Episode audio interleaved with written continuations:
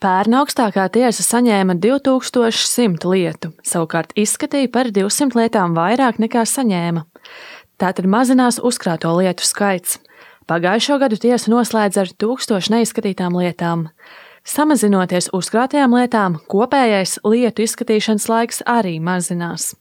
Tomēr tiesai nākas neierosināt lietas vājo pieteikumu dēļ, saka augstākās tiesas administratīvo lietu departamenta priekšsēdētāja Veronika Krūmiņa.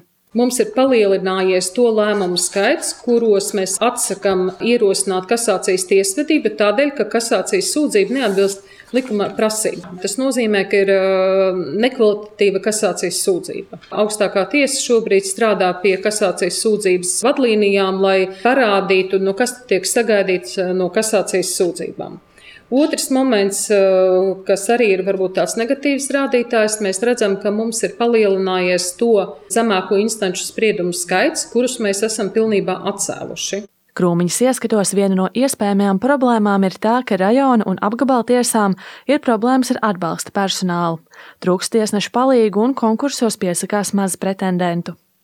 Uz zemākās tiesu instances darba kvalitāti norādīja arī augstākās tiesas priekšsādātājs Aigars Strupišs. Joprojām ir e, pietiekami lielas problēmas ar apelācijas instances spriedumu kvalitāti tieši nevis juridiskās vērtēšanas jautājumos, kas būtu kasācijas vērts jautājums, kas būtu mums jāskata, bet ir pietiekami liela tā lietu proporcija, kur ir problēmas ar pierādījumu vērtēšanu kas nav kasācijas uzdevums. Vienīgais, ko mēs varam izdarīt, mēs varam pateikt, jūs neesat vērtējuši to, ko vajadzēja vērtēt, un aizsūtīt atpakaļ, izvērtēt to, ko viņi nav izdarījuši. Administratīvo lietu departamenta priekšsēdētāja Veronika Krūmiņa novērojusi iedzīvotāju neiecietību. No tiesu dokumentiem mēs arī redzam to, ka sabiedrība ir kļuvusi ļoti neiecietīga, es teiktu pat ļoti rupja.